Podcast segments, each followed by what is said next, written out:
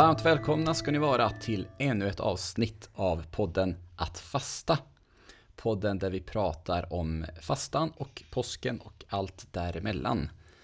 Eh, jag heter Mats Berglund och med mig på länk ifrån Grundsundavallen har jag Skällevad-supporten, skäggodlaren och själavårdaren Marcus Östlund. Hur är läget med dig Marcus? Eh, tack för den introduktionen. Jag är eh, hemma efter att ha storhandlat idag. Nu för tiden får man ju bara storhandla eh, alena i sin ensamhet. Eh, så jag har gått runt där och samlat på mig allt möjligt eh, så vi klarar oss för resten av månaden. Jag gillar att handla. Det är någonting mm, gott och fint och eh, upplyftande, nästan själavårdande med det. Man blir liksom nöjd efteråt och man samlar på sig. Och nu har jag gjort någonting. Speciellt i de här tiderna när man inte gör så mycket annat så, så känner man att man åstadkommer någonting. Mm. Så det blir inte samma sak att on online-handla så som jag har gjort i Nej. över ett år nu. Inte alls. Inte Nej. alls. Så att eh, jag är glad för det. Man mm. får ta det lilla man får. Man får ju det. Man får ju det. Eh, och eh, jag eh, tänker så här att vi har väldigt mycket att prata om. Det är skärtorsdagen och eh, det är mycket som händer eh, och vi ska läsa den bibeltext som hör till dagen. Vad är det för text, Marcus? Idag så är det Markus evangeliets 14 kapitel, vers 12 till och med 26. Och vi säger väl inte mer om sammanhang och så, utan det kommer vi in på efter att du har läst. Ja. Första dagen av det osyrade brödets högtid, när påsklammen slaktades, frågade lärjungarna. Vart vill du att vi ska gå för att ordna påskmåltiden åt dig? Då skickade han iväg två av dem och sa åt dem, gå in i staden, där möter ni en man som bär på en vattenkruka. Följ efter honom och där han går in ska ni säga till den som äger huset. Mästaren frågar, var är salen där jag kan äta påskmåltiden med mina lärjungar? Då visade han ner till ett stort rum i övervåningen, som redan står färdigt. Där ska ni ordna för oss. Lärjungarna gav sig iväg och när de kom in till staden fann de att allt var som han hade sagt och de ordnade för påskmåltiden. På kvällen kom han dit med de tolv. Medan de låg till bords och åt sa Jesus Sannerligen, en av er kommer att förråda mig, han som äter med mig. Då blev de bedrövade och frågade honom, den ena efter den andra, det är väl inte jag? Han svarade, det är en av de tolv, han som doppar i skålen tillsammans med mig. Människosonen går bort, som det står skrivet om honom. Men ve den människa genom vilken Människosonen blir förrådd. Det hade varit bäst för den människan om hon aldrig hade blivit född. Medan de åt tog han ett bröd, läste tackbönen, bröt det och gav åt dem och sa Ta detta, det är min kropp. Och han tog en bägare, tackade Gud och gav åt dem, och de drack alla ur den. Han sa Detta är mitt blod, förbundsblodet som blir utgjutet för många. Sannerligen, aldrig mer ska jag dricka av det vinstocken ger, förrän den dag då jag dricker det nya vinet i Guds rike.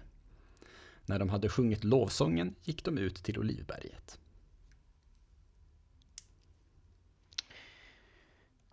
Mycket händer, precis som du sa. Och det är verkligen frågan vart man egentligen ska börja. Vart skulle du vilja börja Mats? Ja, det, det här är ju också en, vi har sagt det många gånger, men det här är ju också en text som man känner igen, eller en historia som man känner igen, såklart. Eh, men jag tycker att det är lite roligt ändå att de börjar nästan som förra text var, att han skickade iväg ett par lärjungar och så visste han vad som skulle hända och det hände precis som, som de sa. Eh, men eh, det kanske vi inte ska ge oss in i så mycket. Det finns inte allt för mycket att säga om det. Det finns en del man skulle kunna säga som öppnar upp väldigt mycket annat. Men jag tror inte att vi ska ta den diskussionen nu. Nej, det är väl dåligt, eh, dåligt om man ska behöva skynda igenom resten. Um, nej men jag, jag tänker att det som är, det är väl, jag tror att alla förstår kopplingen till att det här är liksom nattvarden som, mm. eh, som vi än, än till denna dag ägnar oss åt. Eh, men eh, jag tänker att vi, vi kan gå in på det här med att han säger att han kommer att bli förrådd. Ah. Sannerligen, en av er kommer att förråda mig, han som äter med mig. Mm. Och eh, Precis.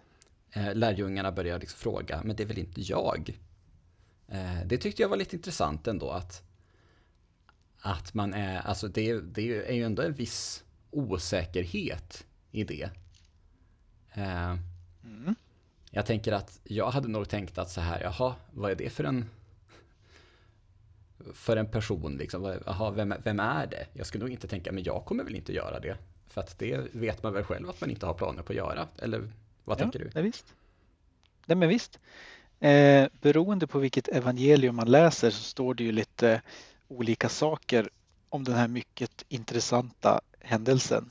Men det är precis som du säger att, att eh, man får ju uppfattningen av att de vet inte vem det är. Alltså, de blir nästan oroliga att det är de själv, även fast de väl rimligtvis borde veta att det inte är någon av dem. Och då kan man ju fråga sig, den som faktiskt förråder Jesus, förstår han att han har förrått honom? För, ja. Mm. ja men det är väl rimligt att anta. Eh, och jag tänker att det är väl kanske ingen spoiler att säga i den här podden med tanke på vår ringa eh, lyssnarskara lär väl veta att det är Judas. Eh, Nej. Chocken. Eh, och eh, vad har hänt innan det här nu? Eh, har han, han har alltså redan förrått Jesus. I vers 10 och 11 står det så här, alltså de två verser som är innan de första orden du läste. Men Judas Iskariot, en av de tolv, gick till översteprästerna för att råda honom. De blev glada och lovade att ge honom pengar och han sökte efter ett lämpligt tillfälle att förråda Jesus. Så här står det uttryckligen att han är väl medveten om vad han sysslar med eh, och att han liksom bara söker efter rätt tillfälle att göra slag i saken.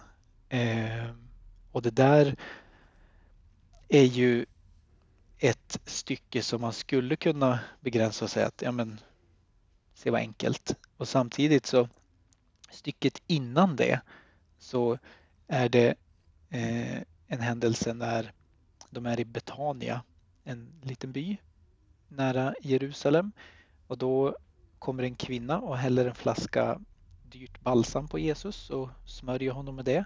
Och då står det att några blev förargade och sa till varandra, vilket slöseri med balsam. Det där kan man ju ge åt de, de fattiga, pengarna, sälja balsamet och ge till de fattiga. Eh, och i ett evangelium, det är väl Johannes om jag minns rätt, så står det att det explicit är Judas som säger det här. Men vilket slöseri! Varför ger du bort de här, den här balsamen som du skulle kunna sälja? Och så står det också att han är den som har hand om kassan bland lärjungarna. Så att han är, han är så att säga eh, ekonomen här. Han, han tänker rationellt att ja, men, vi ska ju hjälpa dem som är utsatta som vi pratade om förra gången i söndags. Eh, ska vi inte göra det nu då? Vi har ju chansen. Då säger han att nej, men hon förbereder ju mig inför, inför min död och det, hon gör något som ni inte borde förstå. Men ni gör ju inte det. Så att eh, den texten följs av att Jesus blir förrädaren, den som ska förråda Jesus. Eh, så det är som att han på något sätt inte vill vara med på tåget längre. Han tänker på ett annat sätt. Ehm, tycker att det borde gå till på ett annat sätt än, än vad det gör. Ta saken i egna händer helt enkelt. Mm. Mm. Mm. Jag förstår. Eh, ja. På, på, vilket sätt tänker du att det, det har att göra med att han sen då förråder Jesus?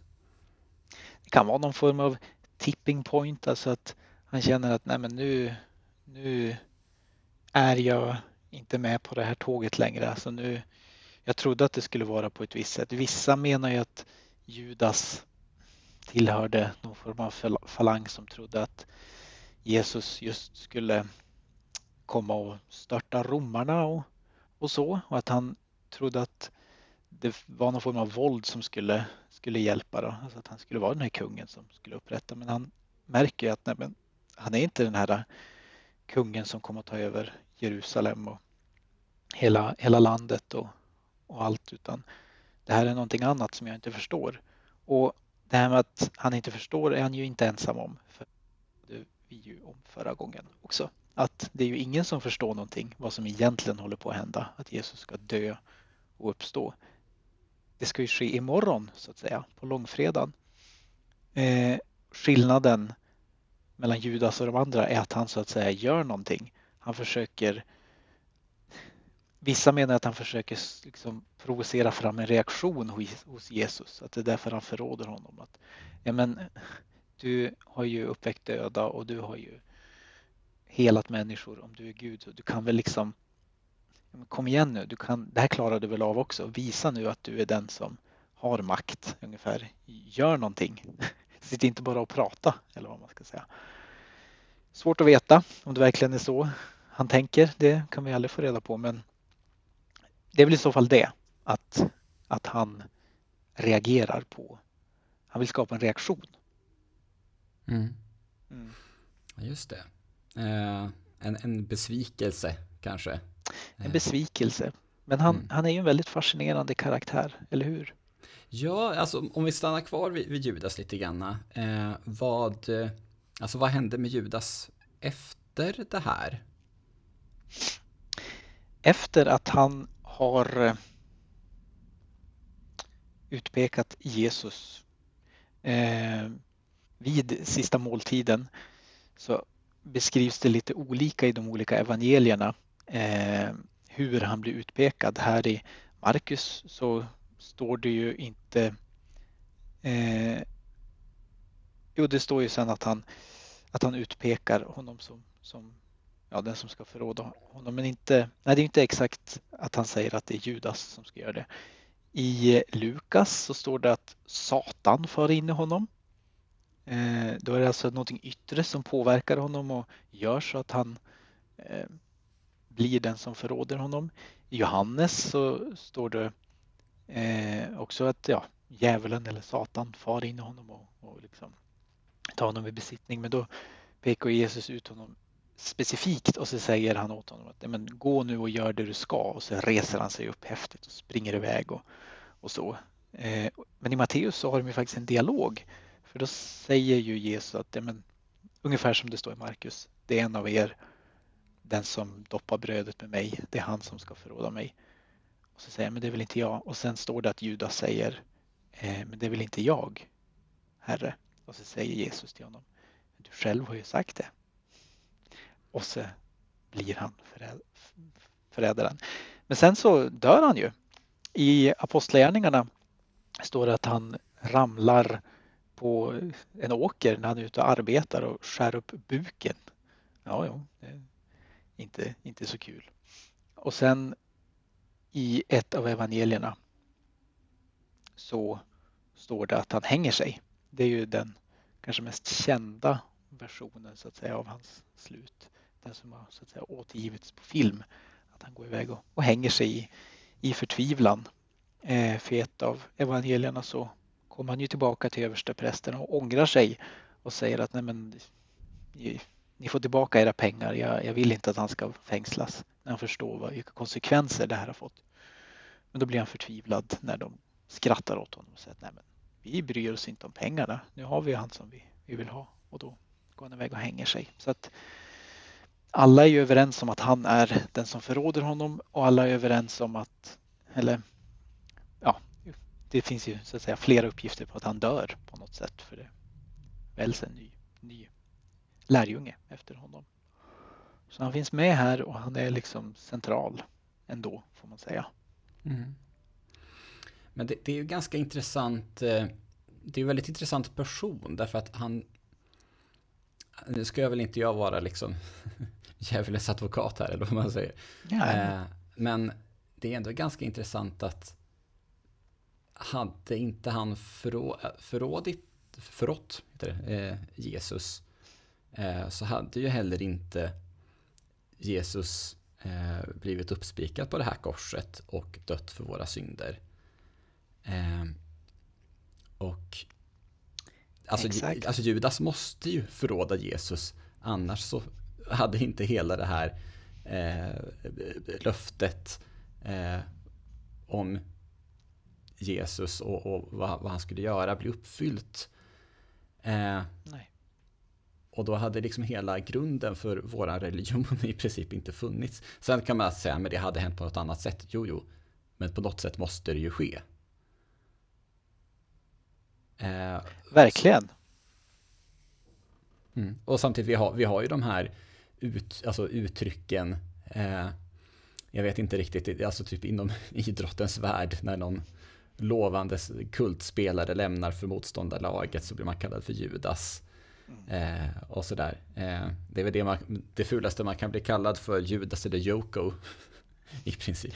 Ja, jag minns eh. när Jonathan Hedström skulle, ni som minns Jonathan Hedström kan ju dra på smilbanden nu, men han, han, skulle, han var ju Skellefteåpojk och så skulle han komma hem från NHL, men då gick han till Timrå istället och då hängde de upp en docka vid E4-bron eller något sånt där i, i Skellefteå med en tröja på det stod Hedström och så Judas. Ja. Ja, men, ett man, exempel. Ja, ja, alltså, man, är, man är ju avskydd och det är klart att det är väl rimligt på något sätt att ogilla den som eh, den som förråder Jesus. Samtidigt så spelar han ju en central och viktig roll. Eh, hur, hur ska man förhålla sig till det här? Jag tycker att man ska förhålla sig till det på det här viset. Han är ju inte ensam, som jag sa, om att inte förstå vem Jesus egentligen är och vad han ska göra. Ingen av lärjungarna förstår det. Eh, Maria förstår det inte. Eh, hon kanske förstår det mer än de andra men, men som vi har varit inne på tidigare så är det många, egentligen de flesta som eh, inte tror på det han säger. De hör ju vad han säger och att han ska dö och uppstå men de förstår det inte. Judas eh, väljer ju att så att säga ta sitt liv eh, eller så dör han. Och det finns ju de som ställer sig frågan, eh, men vad händer med han då? Alltså får han förlåtelse? Eh, är, han, är han förlåten för det han gjorde mot Jesus, mot, mot Gud själv? Och då brukar jag tänka så här att Petrus, en annan lärjunge, han eh, eh, förnekar ju Jesus. Eh, efter att Jesus blir tillfångatagen så är det ju, blir han utpekad av en det flicka på borggården där. Han blir utpekad av henne. Ja, men du är ju en av Jesu följare. Så nej, nej, nej, jag är inte Jesu följare. Jag vet inte vem han är. Så, jo, men jag hör ju på din dialekt, står det ju faktiskt, att du kommer från samma område som han. Nej, nej, nej, nej jag bara missuppfattat allting.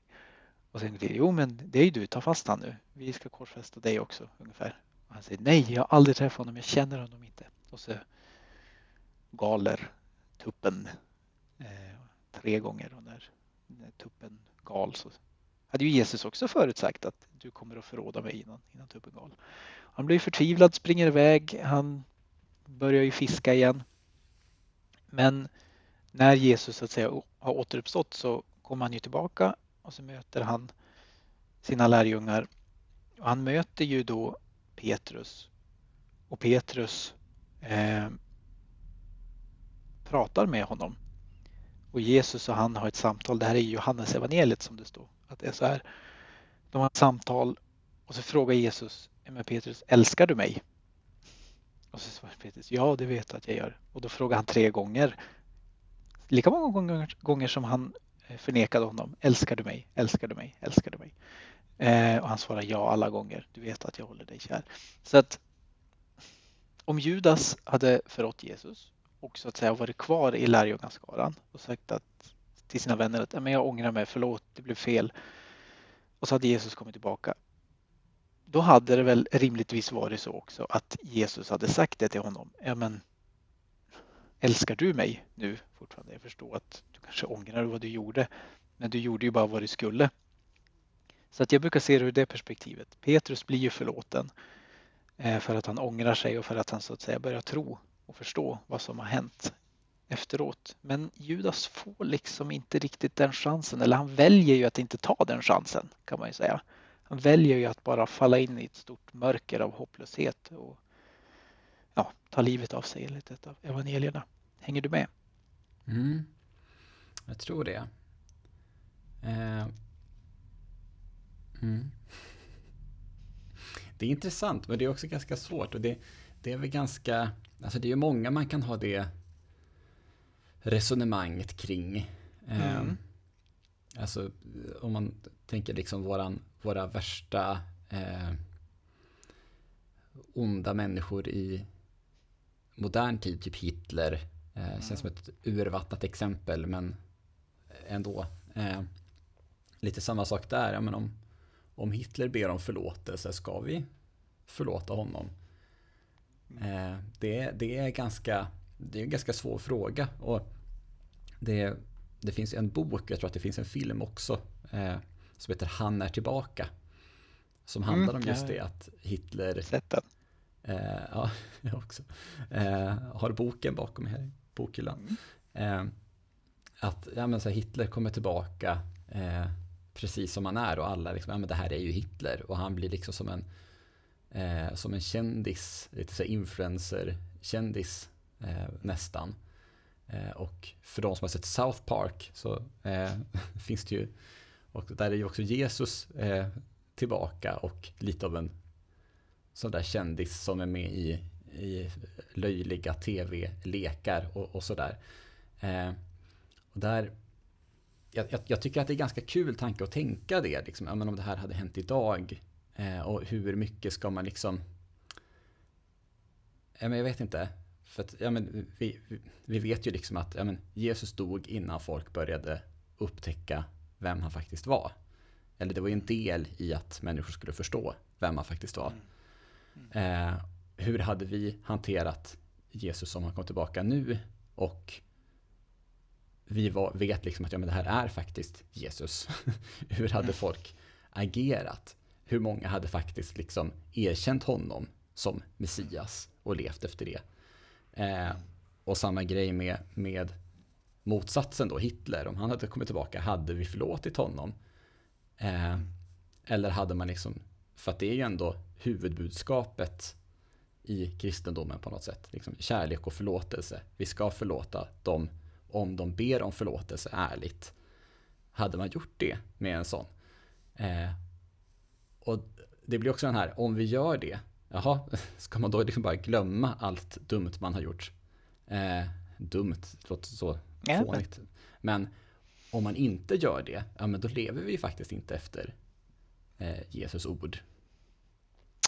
Nej, det var ju det som var problemet med Paulus så att säga. Eh, om ni lyssnade på det avsnittet när vi pratade om Paulus så pra sa vi att han var den som förföljde kristna eh, innan han själv blev kristen. Det var liksom hans grej. Han dödade dem och såg över, eller han såg till så att de blev dödade och, och allt det där.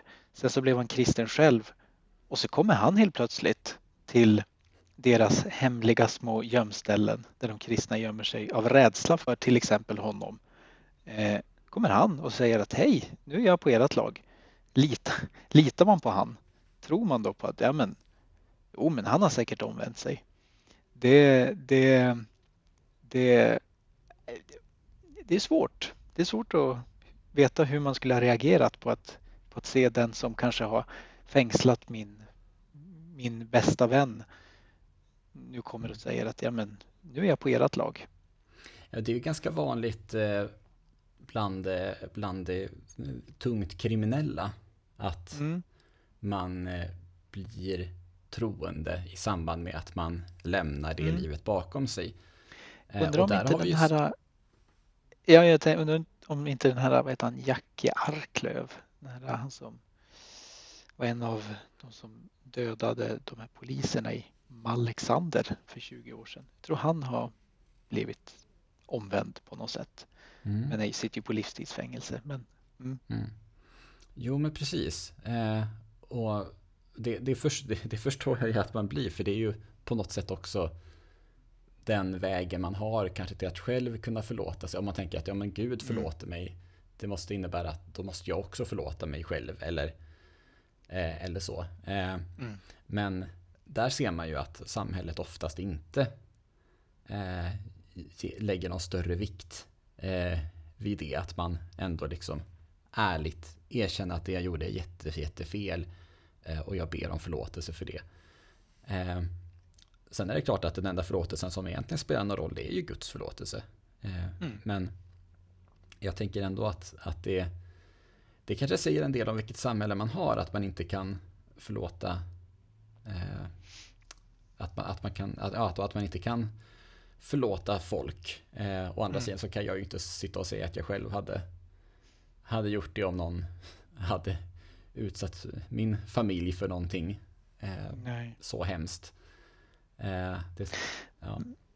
Men det är väl lite det som är grejen att det är skillnad på mänsklig och gudomlig förlåtelse. Alltså vi, det är inte vår uppgift att ha den här slutgiltiga domen. Det är inte vår uppgift att räkna ihop allt gott och allt ont som vi har gjort i våra liv och sen se eh, vad behöver du förlåta, vad behöver du inte förlåta. Det är liksom Guds, Guds uppgift och därför vi har syndabekännelse och, och allting i, i våra gudstjänster. Och det finns en aspekt av den här texten som också har med Judas och förlåtelse och så att göra är värd att lyfta.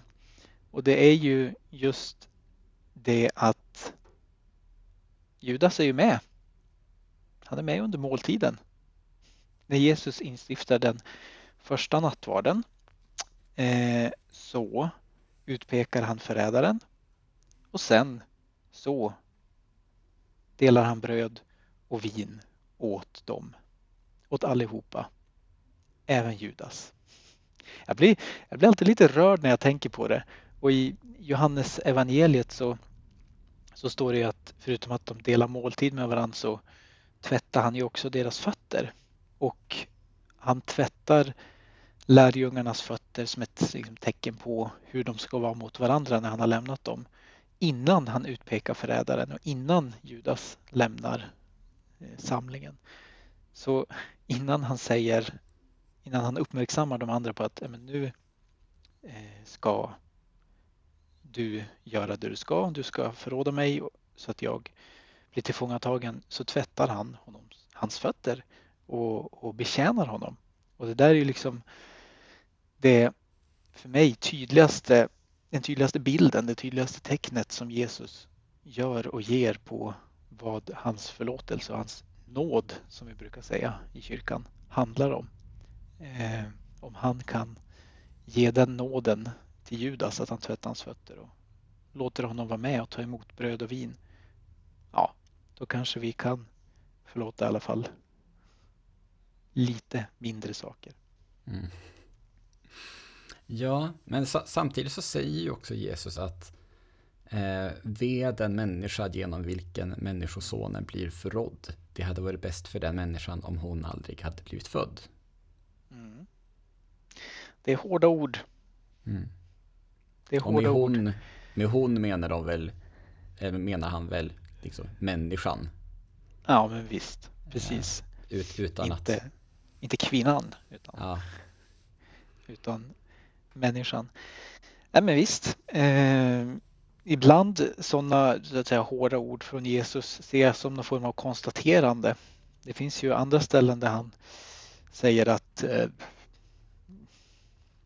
ja, men, den som bygger sitt hus på sand, den kommer, liksom, då kommer huset att bli bortsvept och du kommer inte ha någon stabil grund att stå på. Och ditt liv kommer att vara tomt och meningslöst. Ungefär. Eh, han säger ju inte så, men ni förstår vad jag menar. Eh, och det säger han ju inte för att vara elak, tänker jag, utan då säger han ju det för, ja, men som ett konstaterande. Ja, men det, så här är det om man, om man bygger sitt hus på sand, byggde på, ja, på berg istället. Ja. kanske mer av eh, inte du borde skämmas utan du kommer skämmas. Ja, precis för att det här är någonting man ska för. Och samtidigt direkt efter att han har sagt det så tar han ju brödet och läser tackbönen och, ger åt dem, inklusive Judas. Mm. Så jag återkommer till det, att oavsett att han ropar verop över dennes handling så blir han ändå förlåten. Mm. Enligt mig. När han får ta emot bröd och vin. Ja. ja, men och då är det ju det här med bröd och vin. Mm. Eh, den här sista måltiden, den första nattvarden. Mm. Eh, hur kommer det sig att det här har blivit så väldigt viktigt i vårt gudstjänstfirande? Eller mässofirande? Ja. ja. Eh, um, därför att man har gjort detta i kristna sammanslutningar ända från, ja, från det att de kom, från det att Jesus återuppstod. Som har gjort det när kristna har samlats. Det finns ju beskrivet i Apostlagärningarna. De gjorde det och allting så att enkla svaret för att det, det är det här Jesus har sagt att vi ska göra för att, för att minnas honom och då gör vi det. Och vi gör det nu också 2000 år senare. Eh, sen så det finns ju de som tycker att man inte ska fira nattvard. Eh, jag, menar, jag tror på början av 1900-talet eller stor del av 1900 nattvard. Särskilt ofta i Svenska kyrkan. Enligt vissa så firade man det bara på långfredag. Av någon anledning. Eh, I princip typ en eller två gånger per år. På 2000-talet så gör vi det väldigt ofta. De flesta församlingar har det ju ja, två gånger i varannan gång, minst i alla fall. Varannan söndag. Eh, och det är ju för att man har så att säga att det är viktigt att ta nattvard ofta. Anledningen till att man inte firade så ofta var för att eh, det sågs som någon form av bekännelsemåltid. Alltså man fokuserade på det här med att Jesus till syndernas förlåtelse. Ungefär. Vi säger så i instiftelseorden att okej, okay, om man går fram till nattvarden då måste man ha gjort något väldigt dåligt för att alltså det blir på något sätt nattvarden blir att den här stora syndavlastningen. Men så ser vi på av nattvarden att man så att säga får ta emot nåden och förlåtelsen men det är ju idag är ju betoningen på gemenskapen. Och det är så jag har lärt mig att älska den. Det är det jag mm. har växt upp med och det är väl samma för dig. Absolut. Gemenskapen. Ja, och jag kan väl säga att jag har ju inte riktigt växt upp med med det överhuvudtaget. Det var ju ganska jag, jag kan väl säga att jag, jag konfirmerades ju också senare än, än vad ja. man brukar konfirmeras. Eh, och det var ju först i samband med det egentligen som jag började eh, känna mig som, som en del i den kristna gemenskapen och eh, också då uppskatta eh, att ha nattvard som ett sätt att känna mig som en del i, av den gemenskapen. Eh, så för, för mig så kanske det inte har varit så, så länge heller. Eh, men det har ju blivit desto viktigare för mig. Mm. Men okej, okay, ja. den, den, här, den här, eh, förlåt vad skulle du säga? Nej, kör på. ja, men, men hur ska vi, eh, hur, hur, ska man liksom tolka då att det här är eh, Alltså det här är min kropp, eh, det här är mitt blod. Mm. Eh, förbundsblodet som blir utgjutet för många. Det är väldigt stora ord, väldigt symboliska ord. Mm. Hur tolkar vi dem? Hur förstår vi dem? Ja, det här har ju blivit en splittringsfråga mellan kyrkorna, tyvärr. Eh, är man katolik, ortodox eller protestant så menar man ju att det är olika saker som händer i nattvarden.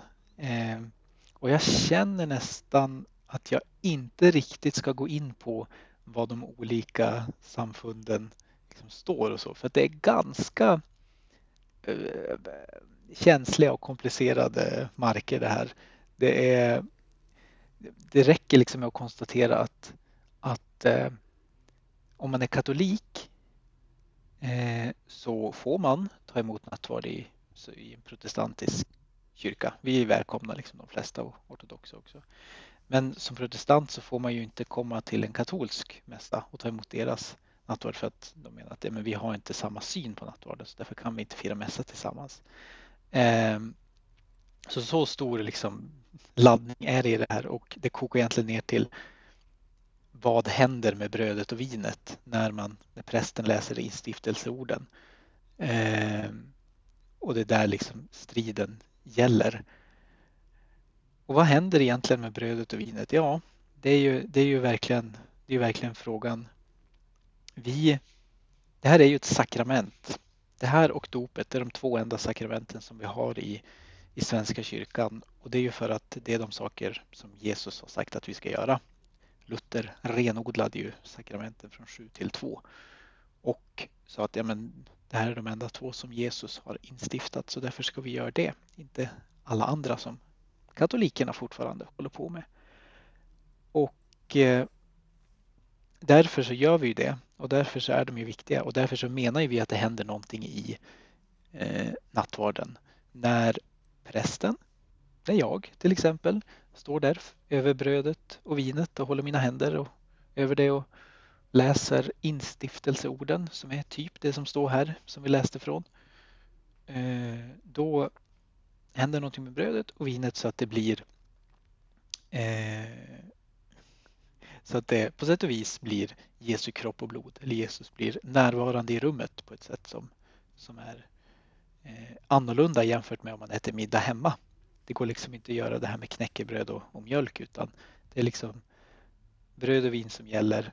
Eh, vi kör ju alkoholfritt nu för tiden men vi menar att så länge det är druvor så är det okej. Okay. Vi har ju glutenfritt. Vissa menar att nej, det får inte vara glutenfritt heller för att det är inte riktigt bröd av någon anledning. Eh, ja, du ser, det är väldigt mm, infekterat det här tyvärr. För att, och det är ju för att det är så otroligt viktigt för att gör man fel, ja då blir det ju inte på riktigt då. För att Jesus har ju sagt att när ni gör det här så gör det till minne av mig och då, ja, då ska Jesus vara med när vi gör det. Och det är klart att man vill att det ska bli på rätt sätt. Så jag har ju förståelse för att man, man så att säga håller på den uppfattning som man, som man är övertygad om är rätt. Men det är, det är, det är en djungel av olika varianter och, och regler. Ja, alltså. Och även inom Svenska kyrkan finns det tusen olika sätt att se på det faktiskt. Mm. Beroende på vilken präst det är. Ja, alltså jag har ju hört människor säga att man inte vill ta nattvard. Alltså, och det är kanske framförallt människor som inte är så ofta i kyrkan som när man väl är det eh, så känner man att det blir en press. Att ja men tänk om jag gör fel. Just den här grejen att, att varje moment är så viktigt och att man ska inte göra fel och det blir så allvarsamt och, och sådär. Och jag tycker att det är väldigt synd. Eh, nu förstår jag, alltså vi lever ju i en tid nu eh, som är ganska individualistisk. Vi pratar gärna om att det är det som händer i oss är det som är viktigt, inte exakt hur man gör. Och eh, jag är fullt ut beredd att hålla med om, om det, även fast jag kanske inte känner mig så individualistisk i övrigt. Så tycker jag också att det är väldigt synd för att det som är viktigt för mig i alla fall med nattvarden, det är ju som sagt att känna gemenskap. Och det gör jag inte för att vi tar exakt varje steg rätt eller att vi gör, säger exakt samma sak eller att man gör rätt tecken eller något sånt där. Utan för mig är det liksom ett sätt att känna den, den kristna gemenskapen, ett sätt att komma närmare eh, kommer närmare Jesus, kommer närmare Gud. Eh, och jag gör det när jag känner, kanske framförallt att jag behöver det. Att jag känner att jag har förlorat det. Då känner jag att det är gött att få den, eh, den känslan. Eh, jag vet inte, hur ser du på det? Som präst så ska, för att det ska bli nattvard, så ska jag läsa instiftelseorden. Eh, och det är det som krävs. Så att säga. För att det ska bli nattvard då ska det finnas bröd och vin. Eh, ja, sen är det så här. Det, ja, gärna liksom anamnes och epikles kallas det. Bön före och bön efter. Alltså bön om helig ande att de ska välsigna. Att helig ande ska välsigna gåvorna och att Jesus ska vara med. Eh, och sen då är det andra som säger ja men gärna vår fader i anslutning till det. Gärna O Guds lamm, den fantastiska lilla hymnen som man sjunger. Som personligen är viktig för mig men det är ju egentligen, det, måste inte vara med så att säga enligt om man bara skalar ner allting till vad det egentligen handlar om. Och så vidare och så vidare. Och vi har ju en hel rit som tar ganska lång tid kring det här. Eh, och anledningen till att man har det är ju för att det är så viktigt. Och, eh, men i princip, om man skalar ner allting och skalar bort allting så räcker det med att det finns bröd och vin och att det finns en präst som kan instifta nattvarden så att det blir bröd och vin och eh, att de som är där tar emot bröd och vin. Sen hur man är klädd, vart man är, hur man ser ut, hur man mår eh, spelar inte så stor roll utan bara man är så att säga medveten om vad det är man gör och att man tar emot det. Det, det är på något sätt det viktiga. Sen så har jag respekt för de som tycker att man ska ha så att säga respekt och visa värdighet för, för det. Eh, just för att det är ju viktigt och då, då ska man göra det ungefär som dopet. Alltså det är klart att om det är någon som döps då, då är det ganska viktigt att visa riten och handlingen respekt. Eh, att man inte bara, ja, Faderns, Sons, Heligandens namn, nu är vi klara, nu går vi och fika. Utan att man, utan att man tar det på allvar för att det är ju extremt allvarligt. Vi menar ju, jag som präst menar ju att ja, men det är Jesu, Jesus som, som är närvarande. Det händer någonting särskilt här. Himlen så att säga kommer ner till jorden för en stund. Eh, och det är det som, är så, det som skiljer den här typen av gemenskap från, från allt från kyrkkaffet till exempel. Kyrkkaffet är bra och viktigt och ibland viktigare än hela mässan eller gudstjänsten för att man får träffa människor och prata med dem. Men eh, nattvarden är någonting annat eh, samtidigt som jag menar, ja, vad var det här för något? Vart var de? De satt inte i en kyrka, de åt middag. Jesus och de första lärjungarna. Eh, ja, medan de tog han ett bröd. De håller på att äta och så tar han upp, tar han upp ett bröd och läser tackbönen och så, och så kör han. Alltså ja, du förstår, det, det, är, ju, det är ju vi som, som gör allting så viktigt. Mm. Men det här, med, det här med att det måste vara en präst med som gör det, det är ju väldigt svenskkyrkligt. Mm. Eh, jag vet det, så är det katolska kyrkan också ortodoxa. Men frikyrkan är det väl. Nej, jag ska inte säga hur det är där, men andra kyrkor så, så kan det vara lite mer löt vem som instiftare. Men i, men i Svenska kyrkan ska det vara en präst. Men jag tänker att det är fortfarande inte så himla eh, snäva ramar exakt hur, hur, det ska gå till. Eh, Nej. Eh, inte lika mycket som jag hade kunnat tänka mig att det skulle Nej. vara. Men det, det på något sätt så kanske det här också, den här jag ska inte kalla det konflikten, men de här olika sätten att se på hur uppstyrt det ska vara. Eh, och hur allvarligt eller hur, mm, jag vet inte, eh, det ska vara. Eh, det är väl lite grann också kanske Svenska kyrkans stora problem eh, i ganska praktisk skala. Att det känns som att många vill ju att man ska avdramatisera mycket. Eh, för att folk inte ska känna precis sådär som, som då vissa mm. som jag känner gör. Att jag vet inte hur man gör eller ja, sådär. Eh, medan andra tycker att nej men det är viktigt för mig att det ska få vara allvarligt och men, men seriöst i alla mm. fall. Mm. Man, eh, jag kan tänka mig om man har gått i kyrkan i många år Eh, om man är van att ha det på ett visst sätt och man känner en trygghet i det. Så ska man börja förändra det. Det känns, det känns ja. som en ganska svår, men också kanske lite ofrånkomlig eh, konflikt. Ja, visst är det det. Och det, det är ju för att det är så viktigt. Det är ju för att det är så att säga ett av två sakrament, ett av två heliga handlingar. När vi menar att nu, nu, nu kommer himlen till jorden, så att säga. Nu öppnas en, en reva upp, upp mot det heliga. Det är därför det är så otroligt viktigt och det är därför, ja, nej men för mig så är ju nattvarden, jag började ju gå i kyrkan när jag var 15, när jag var konfirmand och har inte slutat sedan dess. Ehm, och jag, jag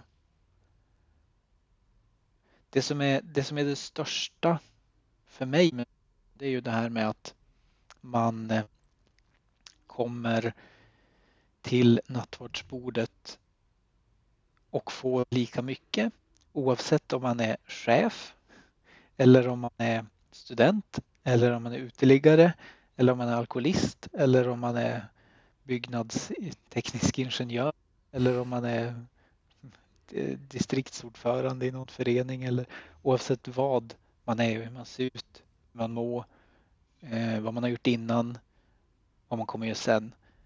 Alla får precis lika mycket bröd och precis lika mycket vin och alla får precis samma förlåtelse och alla får dela exakt samma gemenskap runt nattvardsbordet. Och det där är någonting som vi i kyrkan ska vara väldigt stolta över. För jag kan inte riktigt så på rak arm komma på något ställe dit man kan gå och så att säga dela gemenskapen med andra människor som är så extremt olika varandra och så att säga få samma sak. Man kan gå på kan argumentera för att ja, men på fotboll eller hockey eller ridning eller något sånt, då är vi liksom, är det alla olika typer med och så. Ja, pengar att gå på det. Det kostar inte pengar att ta emot nattvarden utan dit kan vem som helst komma och dela den här gemenskapen och möta Jesus. Mm. Och det är liksom dit jag försöker dra nattvarden när jag pratar om nattvarden ofta. Eh, för det är det som är så att säga kärnan och den som den kärnan att de som så att säga inte vill eller vågar gå till nattvarden för att de känner att nej men jag, jag är alldeles för, för syndig. Det finns ju vissa som tänker, framförallt äldre.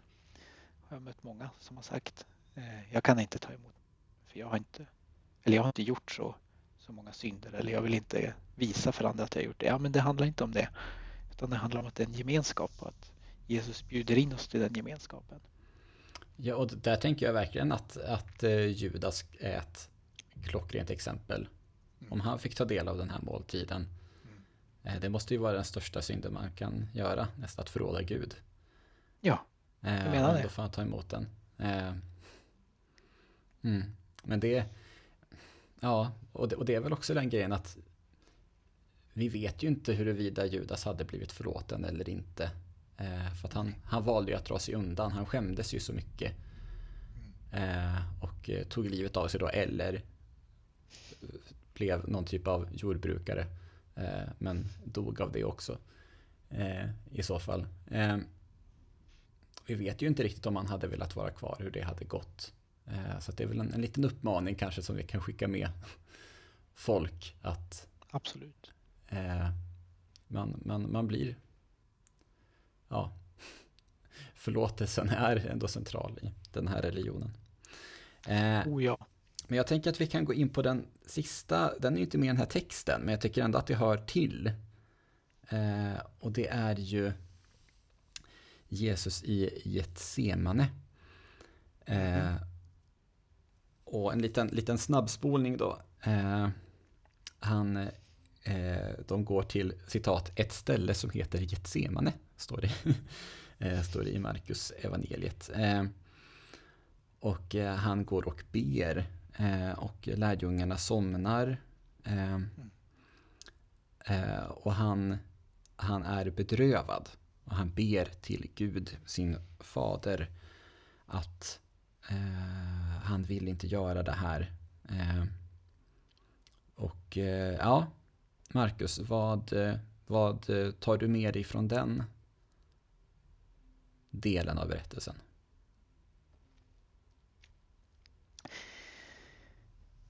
Ja, jag tar med mig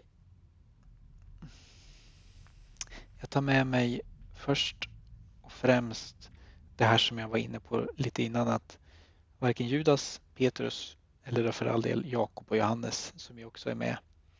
Eh, Petrus, Jakob och Johannes som följer med Jesus här. Ingen av dem eh, lyckas ju hålla ut och vara kvar vid Jesus sida när det gäller som allra mest för att Petrus, Jakob och Johannes följer ju med Jesus och han uppmanar dem eller ber dem att men, var vid min sida, vaka och be, håll er vakna för min skull. Och han går bort och ber tre gånger och varje gång han kommer tillbaka så ligger de och sover. Och han blir ju så besviken. Ja, ni sover och vilar er. Det räcker nu.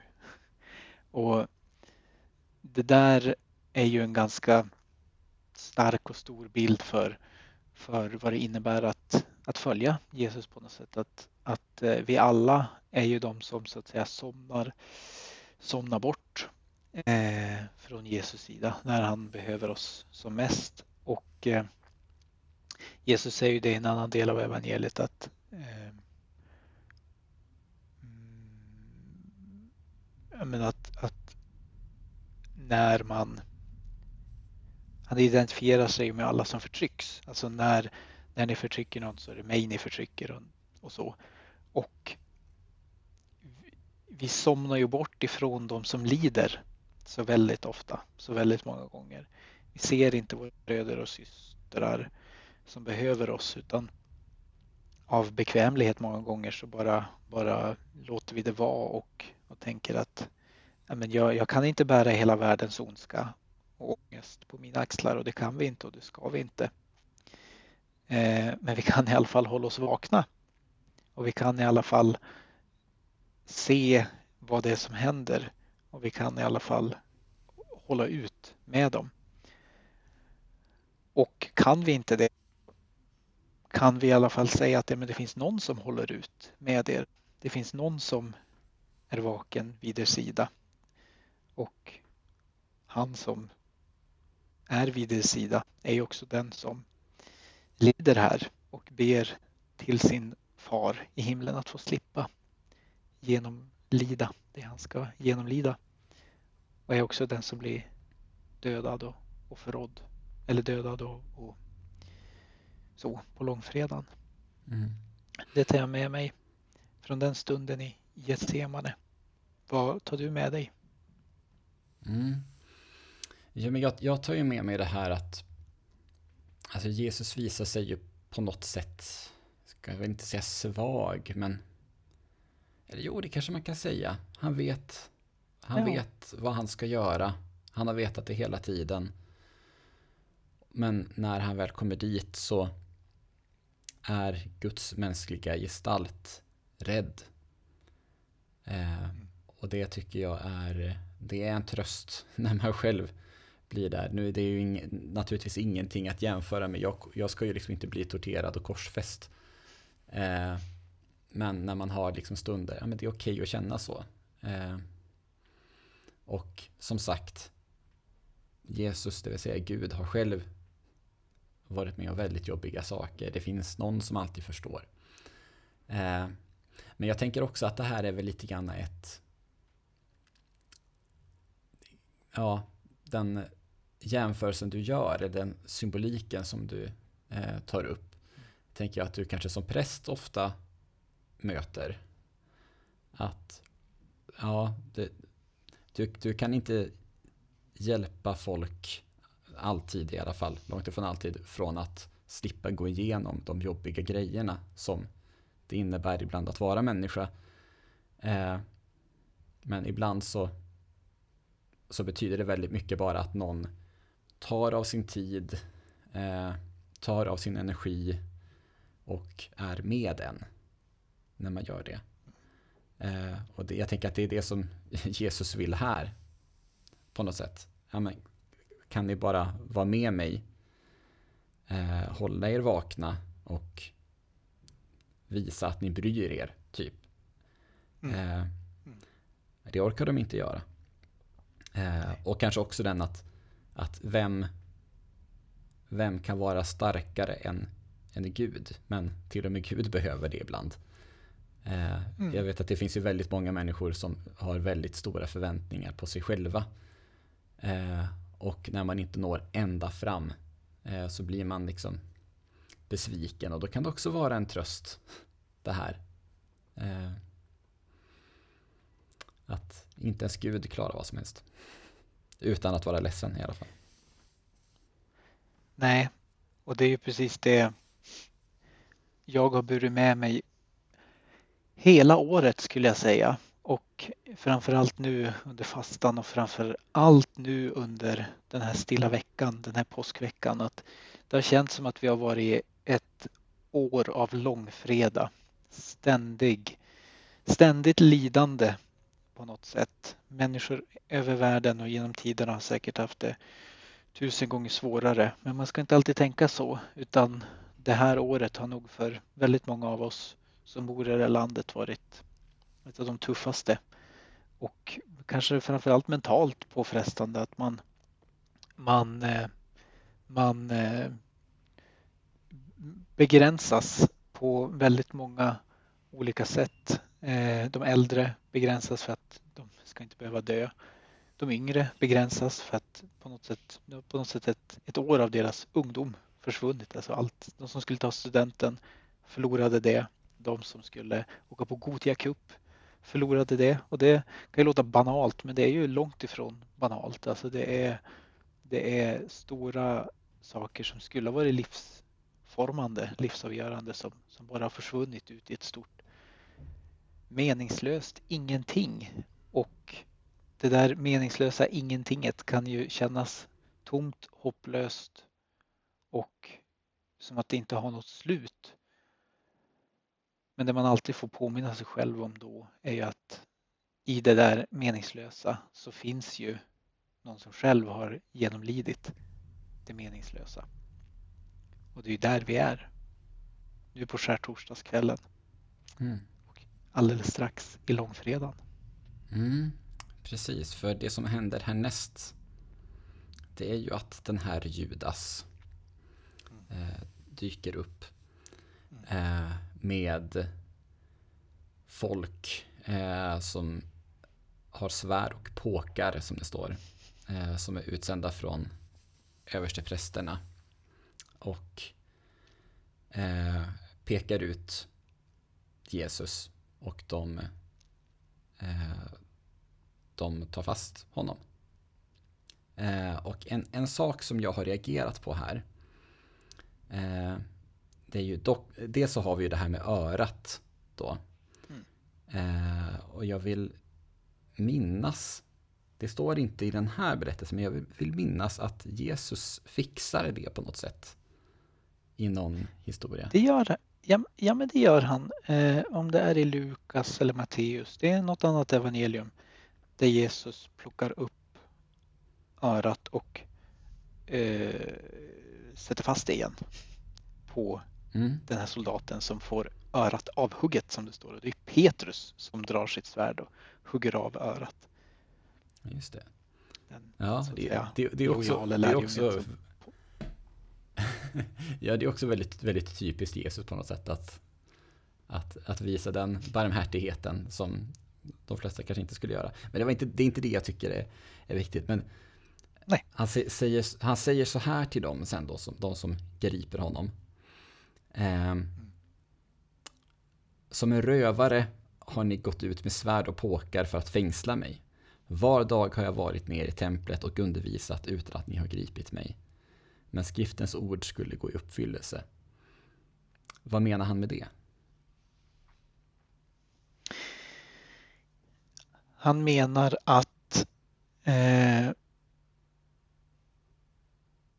de förstår inte vem han är det är egentligen samma sak som, eh, som händer på palmsöndagen och allt annat. Att det är ingen som förstår vem han egentligen är utan de ser honom som en simpel eh, rövare. De, ser honom, de identifierar honom som en brottsling som är värd en brottslingsbehandling.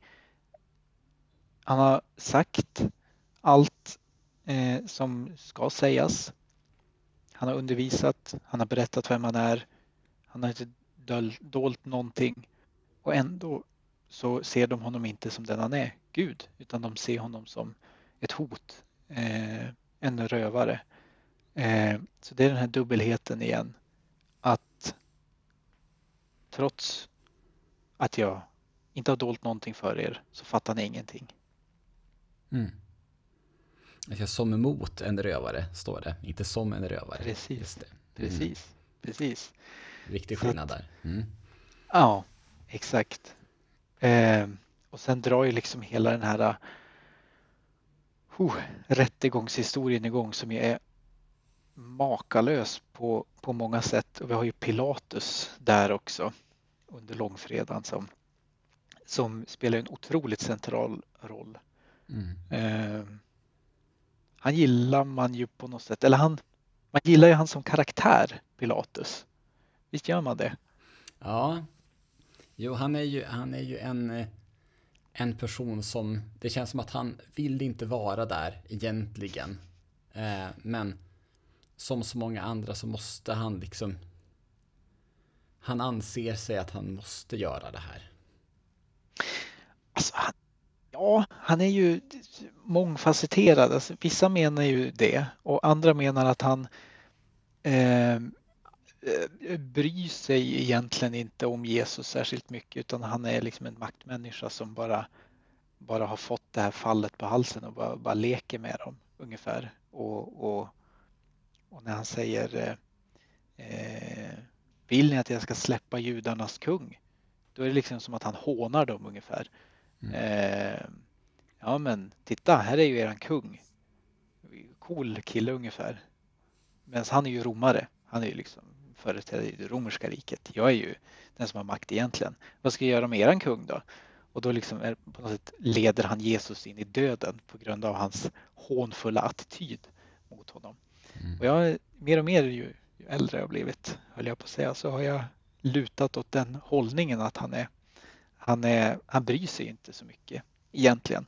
Samtidigt som han ju har en lång dialog med Jesus, i alla fall i Johannes evangeliet där han där han också eh, säger att ja, men jag har kommit med sanningens rike och där sanningen är, där är också jag. Och så säger Pilatus de bevingade orden sanning. Vad är egentligen sanning? Mm. Så att han, ja, han är ju, han är ju den som dömer Jesus till döden, ofrånkomligen. Men eh, vissa menar ju att vissa menar att han är väldigt hemsk medan andra menar att evangelisterna har framställt honom som godare än vad han egentligen var för att inte vilja reta romare i om de skulle komma över de här manuskripten. Förstår Just du? Det. det. är ju, det är ju en väldigt eh... Jag, jag, jag, som gammal historiestudent eh, tycker alltid att man ska se skrifter eh, eller allting egentligen utifrån den tidsanda där det, där det verkade. Så att eh, det är ju, det känns ju som en tänkbar eh, Alltså någon typ av självcensur lite grann. Ja, för att skydda sig själv och för mm. att inte riskera någonting onödan. Men jag tänker att den här eh, rättegången och vägen till korset, det kommer vi ju återkomma till i nästa avsnitt. Mm. Så det får, det får bli lite av en cliffhanger här. Precis, precis. Mm. Eh, vi måste ju också eh, ha lite tid för den här sista, mycket, mycket viktiga, eh, ska säga, succédelen av vår podd. Visst får man beteckna det som det numera? Som det. det är ju 100% av våra läsa, nej, lyssnarmail eh, har ju handlat om den här topp 3-delen. Det tycker jag är en imponerande siffra. Det är ju det, det är ju det. Vill du vill du dela med dig av, eh, av det eh, både första och sista läsar, nej förlåt, lyssnar-mejlet vi har fått? Ja, om jag, om jag var kapabel att göra det, vill du göra det? Ska jag göra det? ja, det här mejlet eh, kommer från lyssnaren eh, Evelina. Tack för det Evelina. Eh, hon har ingen favorit bland lärjungarna, men hon vill istället svara på en tidigare topp tre Eh, och skriver inte vilken, men av innehållet så tänker jag att det nog handlar om eh, vilket eh, djur man vill bli kallad eh, av, eh, av Jesus. Eh, det som vi hade för Den ett par avsnitt. sedan. förväntade jag mig att någon faktiskt skulle reagera på. Den, Ja, ja Den är bra. Det, det var på tiden tycker jag. Ehm, och då är det ett tredjeplats eh, kråka. Och Oj. att kråkor är intelligenta och insiktsfulla varelser. Mm. Ehm, andra plats elefant.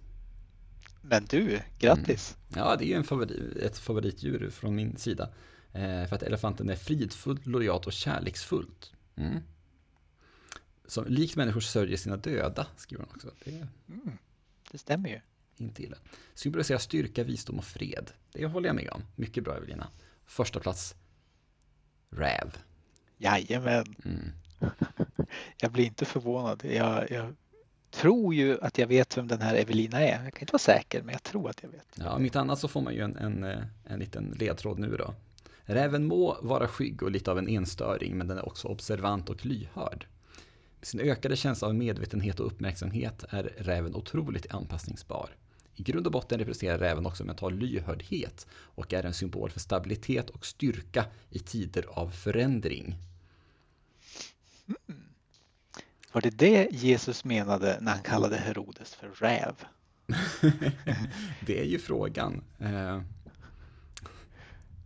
Ja, jag är inte helt här- hundra på det faktiskt. Nej, men det öppnar ändå tolkningsnycklar som man säger inom teologin. Ja, eller hur? Det är vi tacksamma för. Och eh, är det någon annan, eh, eller Evelina igen för den delen, som känner att man vill, eh, att man vill replikera på det här så kan man också skicka in ett mejl Vart gör man det, Marcus? Då mejlar man till att med två t punkt fasta med ett t snabel gmail.com med c. Jajebus, det gör man. Eh, så jag tänker att vi går in på, på veckans eh, topp tre. Och vilken topp tre, topp tre var det som du hade utmanat mig med?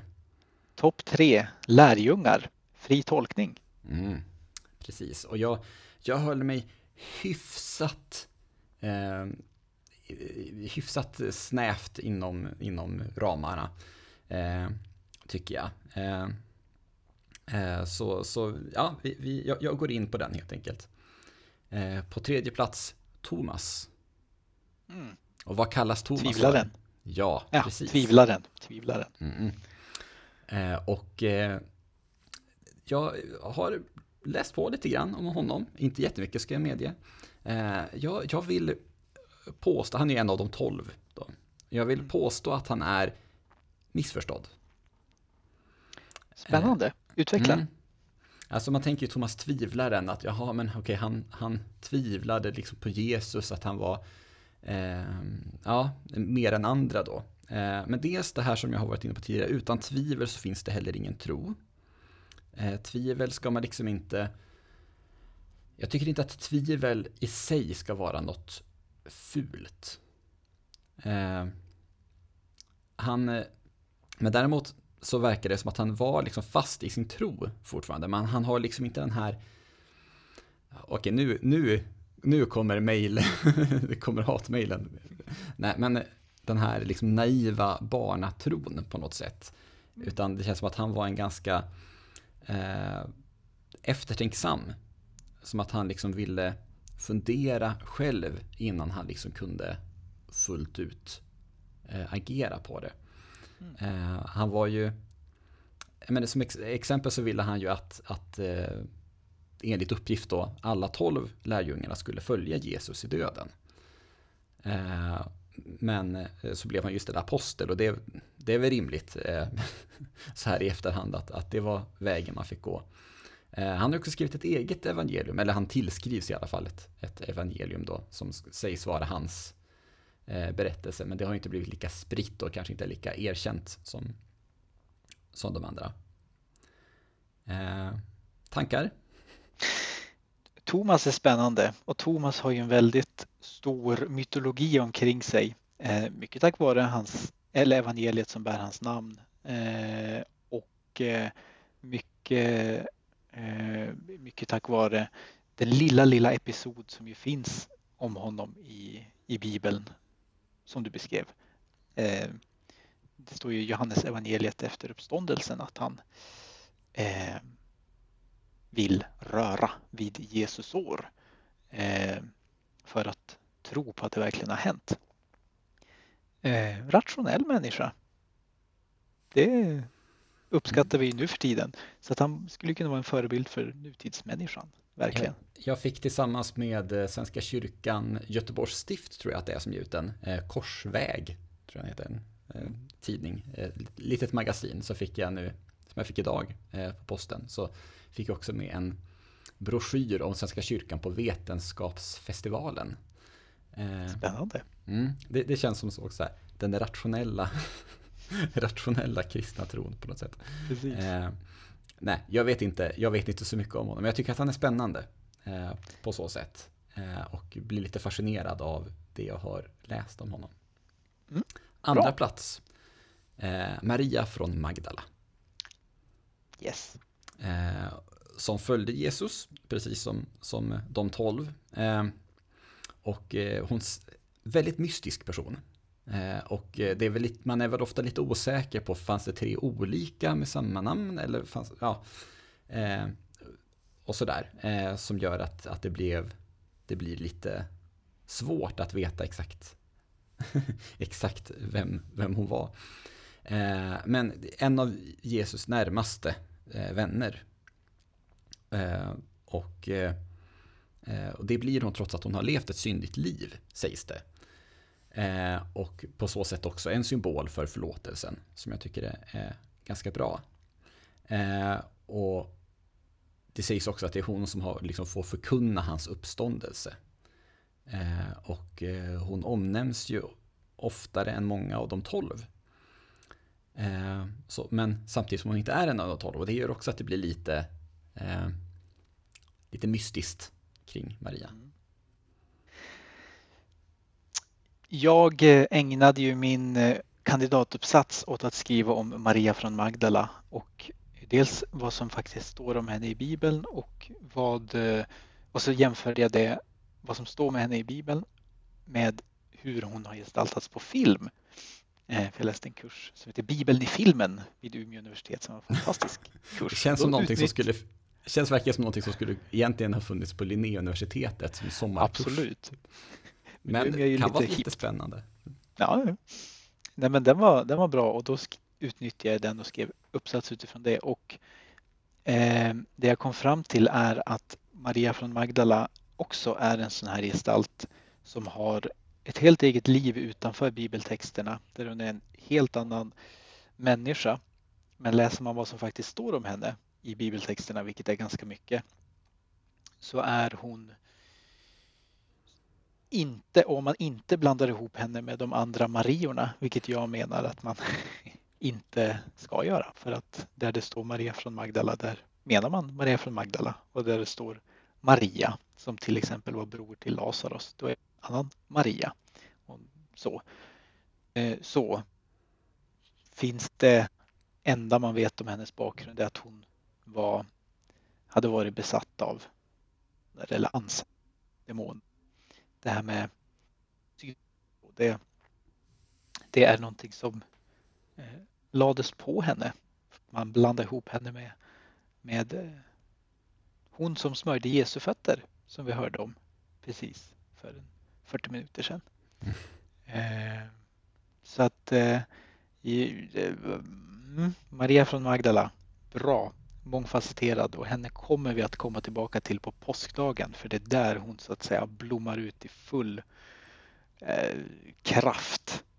Mm. Men du har ju också dödat mitt case lite här känner jag nu. Oh ja, på ett sätt. Samtidigt, för att den andra delen. Ja, jag, men jag, den andra... Jag kom, så, jag kom så långt till, eh, till att det inte var hon som hade hällt balsamet i alla fall. Men... den, den andra delen, det här med förkunna budskap och sådär, det, det hakar vi på på söndag. Mm. Det kan jag lova. En till cliffhanger, nu kan man inte missa mm. nästa avsnitt. Eh, men på första plats, ännu mer mystisk, lärjungen som Jesus älskade. Yes, nu. Snyggt va? Berätta mer. Jag vill inte eh, spoila här. Jag, I Johannes evangeliet så eh, står det ofta de orden. Eller ofta vet jag, men det står i alla fall ett antal gånger. Eh, och eh, då menar vissa, som jag har läst mig till då, att Johannes menar att, eller att man menar att det är Johannes själv som är ganska stor på sig så att säga. Eh, som menar att han blev älskad mer än, än de andra lärjungarna.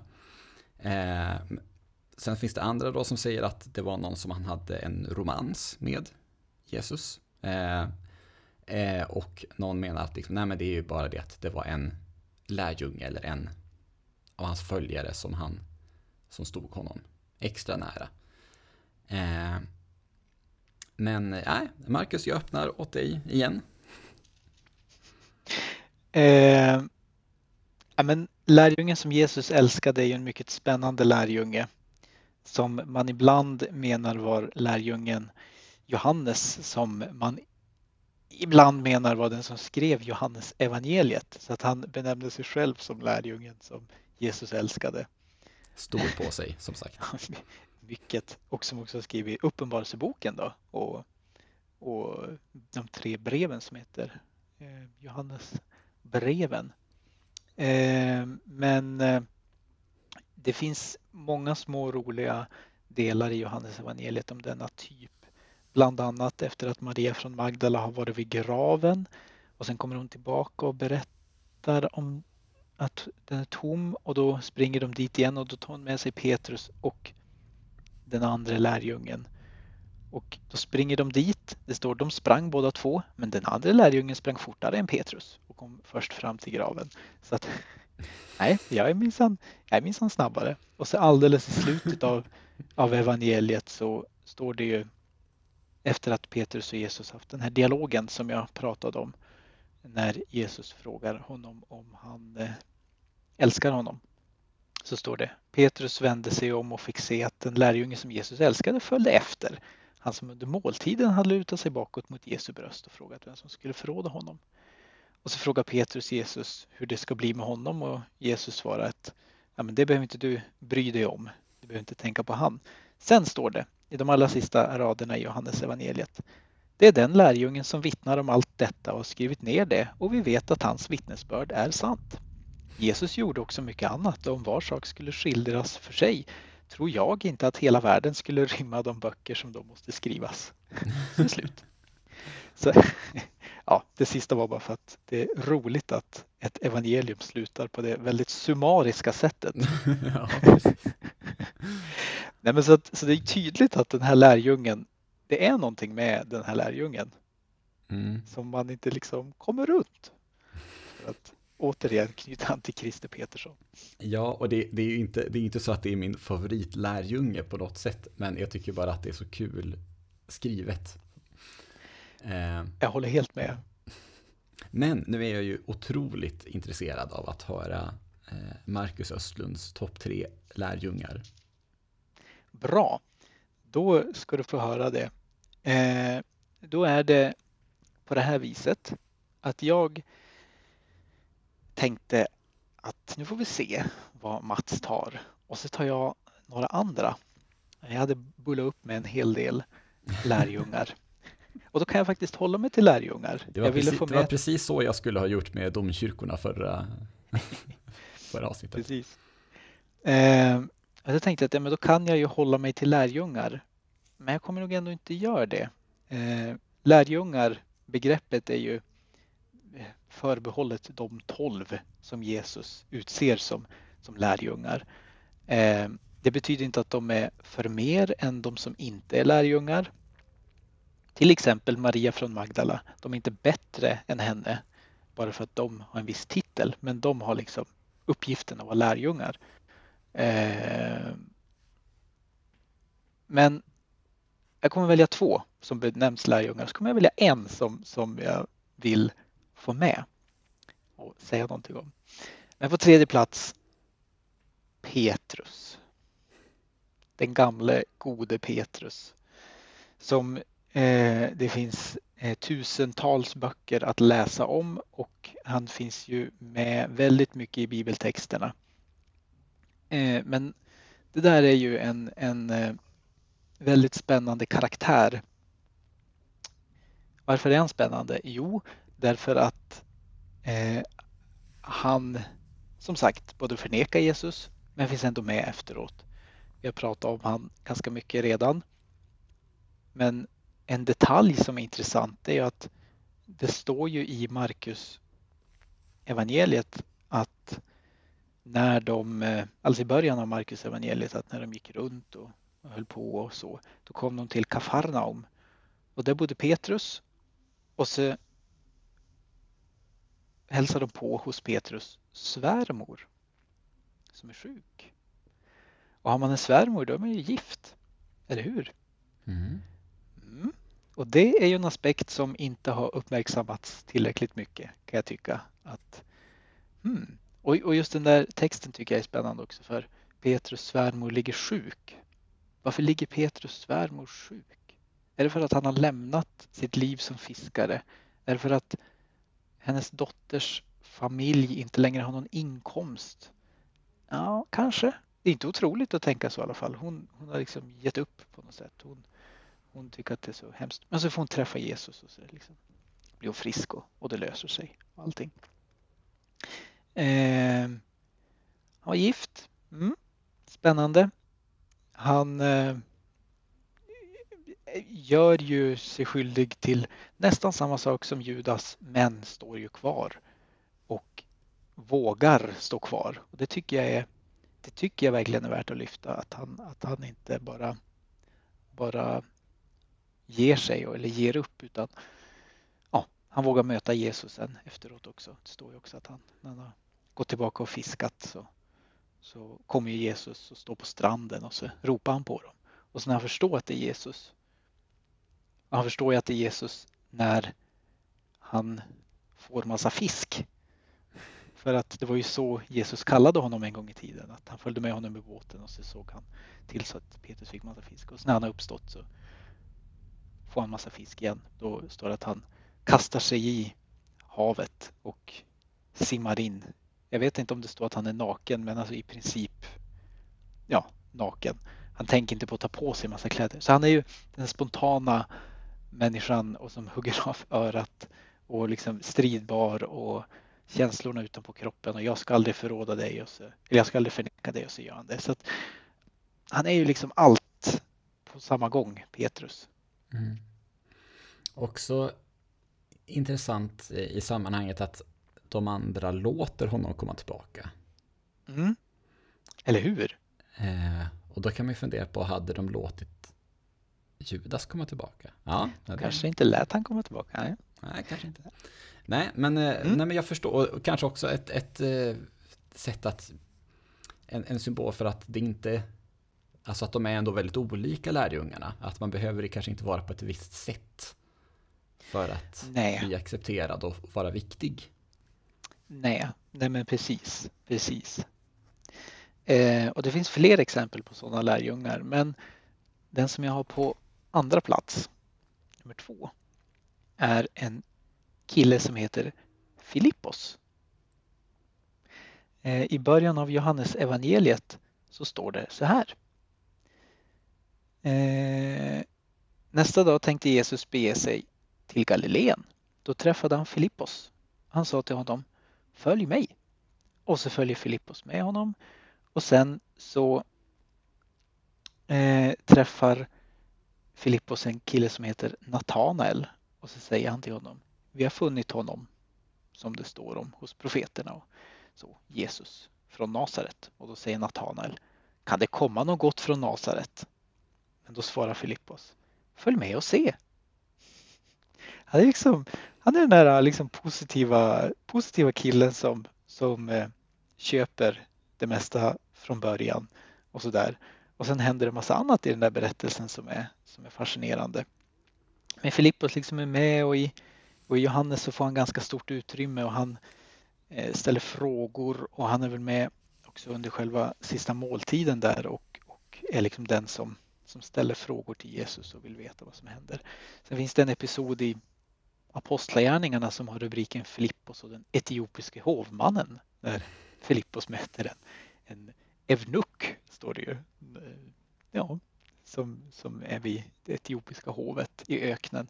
Han står i öknen och väntar på lift och så kommer det en karavan och så hoppar han in i vagnen och berättar om Jesus för honom. Och, och så frågar den etiopiske hovmannen, eh, finns det någonting som hindrar mig från att bli döpt? Och så säger Filipp, nej, det, bara om du, det räcker med att du tror. Och så döper han honom och sen så försvinner han från hans åsyn. Så att, ja, Filippos, alltså kolla upp Filippos. Mm. Oväntad. Ja, jag tycker om att lyfta fram oväntade typer. Mm. Eh, Uppskattas.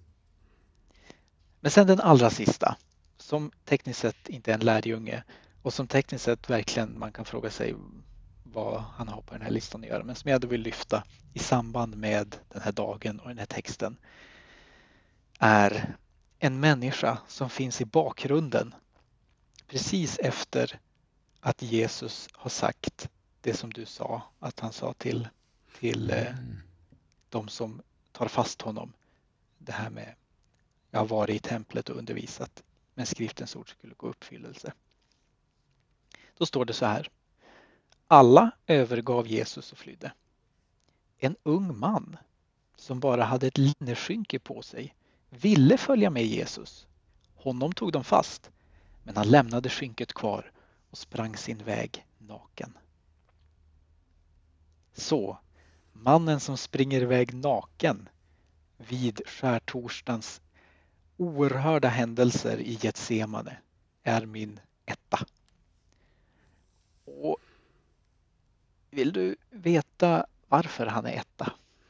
Jag, vill, eh, jag kan förstå det. Jag funderade faktiskt på om jag skulle fråga någonting när vi var på det, men jag tänkte att tiden rinner iväg. Men eh, jag reagerade på det också när jag läste det här. Det är ju en väldigt fascinerande person. Mm. Eh, men berätta. Det här är ett teologiskt långs- långskott som eh, inte alla köper och eh, som jag inte är säker på att jag köper själv heller. Men jag kan liksom inte släppa tanken på det så därför så nämner jag det. Jajamän. Eh, tillräckligt många köper det för att jag ska lägga fram det. Vissa hävdar och vissa menar att det här är författarens signatur. Alltså att det här är Markus som har skrivit Markus evangeliet som har skrivit in sig själv i berättelsen eh, för att på något sätt visa att Eh, jag var med under händelserna och jag ville ju följa med. Så här, jag ville inte överge men ja, så sprang jag ändå iväg naken när jag blev fasttagen och blev, och blev rädd. Eh, och man menar det för att ja, men, den här episoden finns inte med i något annat evangelium. Det står inte att det är en ung man som springer iväg naken. Eh, om man kopplar ihop den här typen med den Markus som nämns i Apostlagärningarna som följeslagare till Paulus och den Markus som Paulus skriver är med honom i sina brev. Vi nämnde ju det när vi pratade om Paulus att Markus och Lukas är här med mig i fångenskap och det står också eh, om en Johannes Markus i, i Jerusalem som bodde där och att det var där lärjungarna samlades efter att Jesus hade uppstått och åkt iväg till himlen. Eh, det står ju att ja, men de samlas i ett hus i Jerusalem eh, hos Johannes Markus och, och hans mamma Maria eller någonting. Kan, alltså, det är ett långskott, men jag tycker om långskott ibland. Kan man tänka sig att den här personen, unge mannen som springer iväg naken, han bor i Jerusalem. Han är med i bakgrunden på palmsöndag, ser vad som händer, kanske står han och jublar också, följer med, smyger med, kanske inte med under sista måltiden men han liksom kommer in där i ett semane på något sätt. Och så ser han vad som händer och han tänker, nej men jag måste ju följa, jag måste ju följa den här äh, Davids son. Jag, jag kan inte ge upp nu. Och så, nej, jag vågar inte. Och så springer han iväg naken, springer hem till mamma i huset i Jerusalem. Sen så är han där och sen får han väl höra att Jesus har uppstått och så träffar han alla och så säger han, ja men jag och min mamma, vi har ett hus här som ni kan vara i. Eh, och så är det det huset som de är i sen som beskrivs i Apostlagärningarna där de så att säga samlas. Och Och sen så där träffar han Petrus, för det står att Markus är följeslagare till Petrus också. Eller enligt traditionen så var han det och hjälpte honom att skriva breven eller och så. Och sen så är eh, också blir han också följeslagare till eh, Paulus. Så att eh, ah, ett långskott, men vad då? då? Det, det må vara ett långskott, men alltså alla personer i historien, alla personer som har levat har ju i princip en spännande historia bakom sig. Varför skulle det inte kunna vara som du säger? Ja, precis. Jag tycker att det var en väldigt bra topp tre. Mycket spännande topp tre. Eller hur? Mm. Jag tycker vi båda ringade in någonting centralt här. Eh, väldigt passande också att det var, att det var så pass mycket, eh, så, så pass många eh, så, ja, att det var så pass mycket lärjungar med i, i historien mm. också. Eh, som avslutning, eh, Marcus, så har, har du... Har du någon kontring? Jag kommer till det, ta det lugnt. Tack, tack. Som Jag är avslutning. eh, Som avslutning eh, så har du bett att få läsa en psalm. Eh, och eh, det, ska, det ska du få göra. Eh, och min, min topp tre är, är lite sprungen ur detta. Eh, nämligen topp tre bibelverser som borde vara salmer. Alltså verser som idag inte är tonsatta och eh, sjungs i kyrkan, men som du skulle vilja ha som det. Eh, man får såklart ta typ saltar, salmer, ja, sådär som inte är modernt tonsatta. Men det är mycket roligare att ta sådana som inte är det. Förstår du vad jag menar? Ja, jag är med. Bibelverser som... Mm. Mm.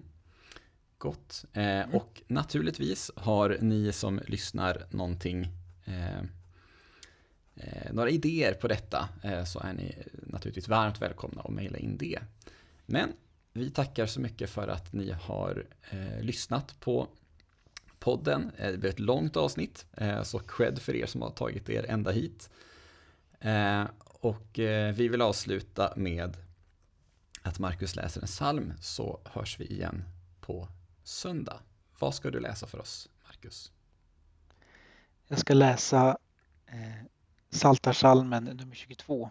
Den saltarsalm som man läser efter att skärtorsdagsgudstjänsten i Svenska kyrkan är över.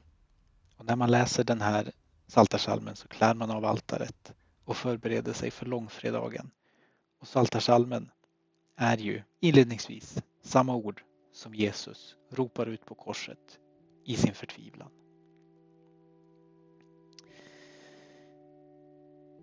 Min Gud, min Gud, varför har du övergivit mig?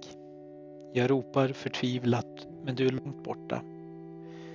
Min Gud, jag ropar om dagen, men du svarar inte. Jag ropar om natten, men finner ingen ro. Dock är du den helige. Till din tron stiger Israels lovsång. På dig förtröstade våra fäder. De litade på dig och du kom till och du kom dem till hjälp. De ropade till dig och blev räddade. De litade på dig och du svek dem aldrig.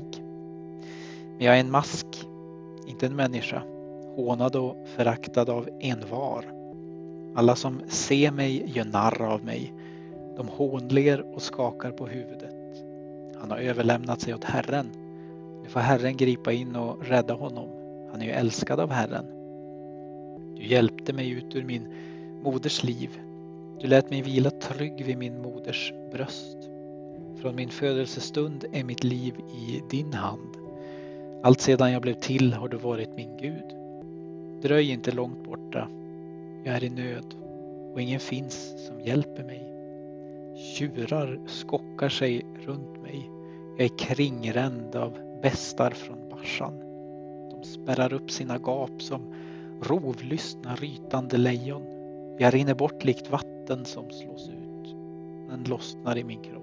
Mitt hjärta är som vax. Det smälter i mitt bröst. Min mun är torr som en lerskärva. Tungan klibbar vid gommen. Du lägger mig i gravens mull. Hundar samlas runt mig. Jag omringas av en hord av våldsmän. Händer och fötter är skrumpnade. Jag kan räkna varje ben i min kropp. De står där och stirrar på mig. De delar mina plagg mellan sig. De kastar lott om mina kläder. Men du, Herre, dröj inte långt borta. Du min styrka, skynda till min hjälp. Rädda mig undan svärdet. Mitt liv är hundarnas. Mitt liv ur hundarnas våld.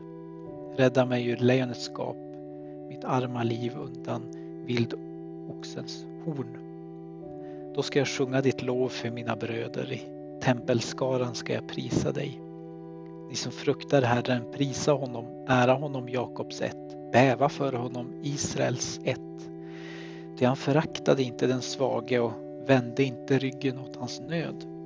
Han dolde inte sitt ansikte utan hörde hans rop om hjälp. Du är källan till min lovsång i den stora tempelskaran. Inför de som fruktar Herren får jag frambära de offer jag lovat. De betryckta får äta och bli mätta. De som sökt sig till Herren får prisa honom. Må ni alltid vara fyllda av livsmod. Hela jorden ska minnas vad som skett och vända om till Herren. Alla folk och stammar ska tillbe inför honom. Ty kungamakten är Herrens, han härskar över folken. De som sover i mullen kan inte hylla honom. De som vilar i jorden kan inte böja knä för honom. Men jag lever för honom och mina barn ska tjäna honom. De ska vittna för nya släktled om Herren, förkunna hans rättfärdighet för ofödda släkten, ty han grep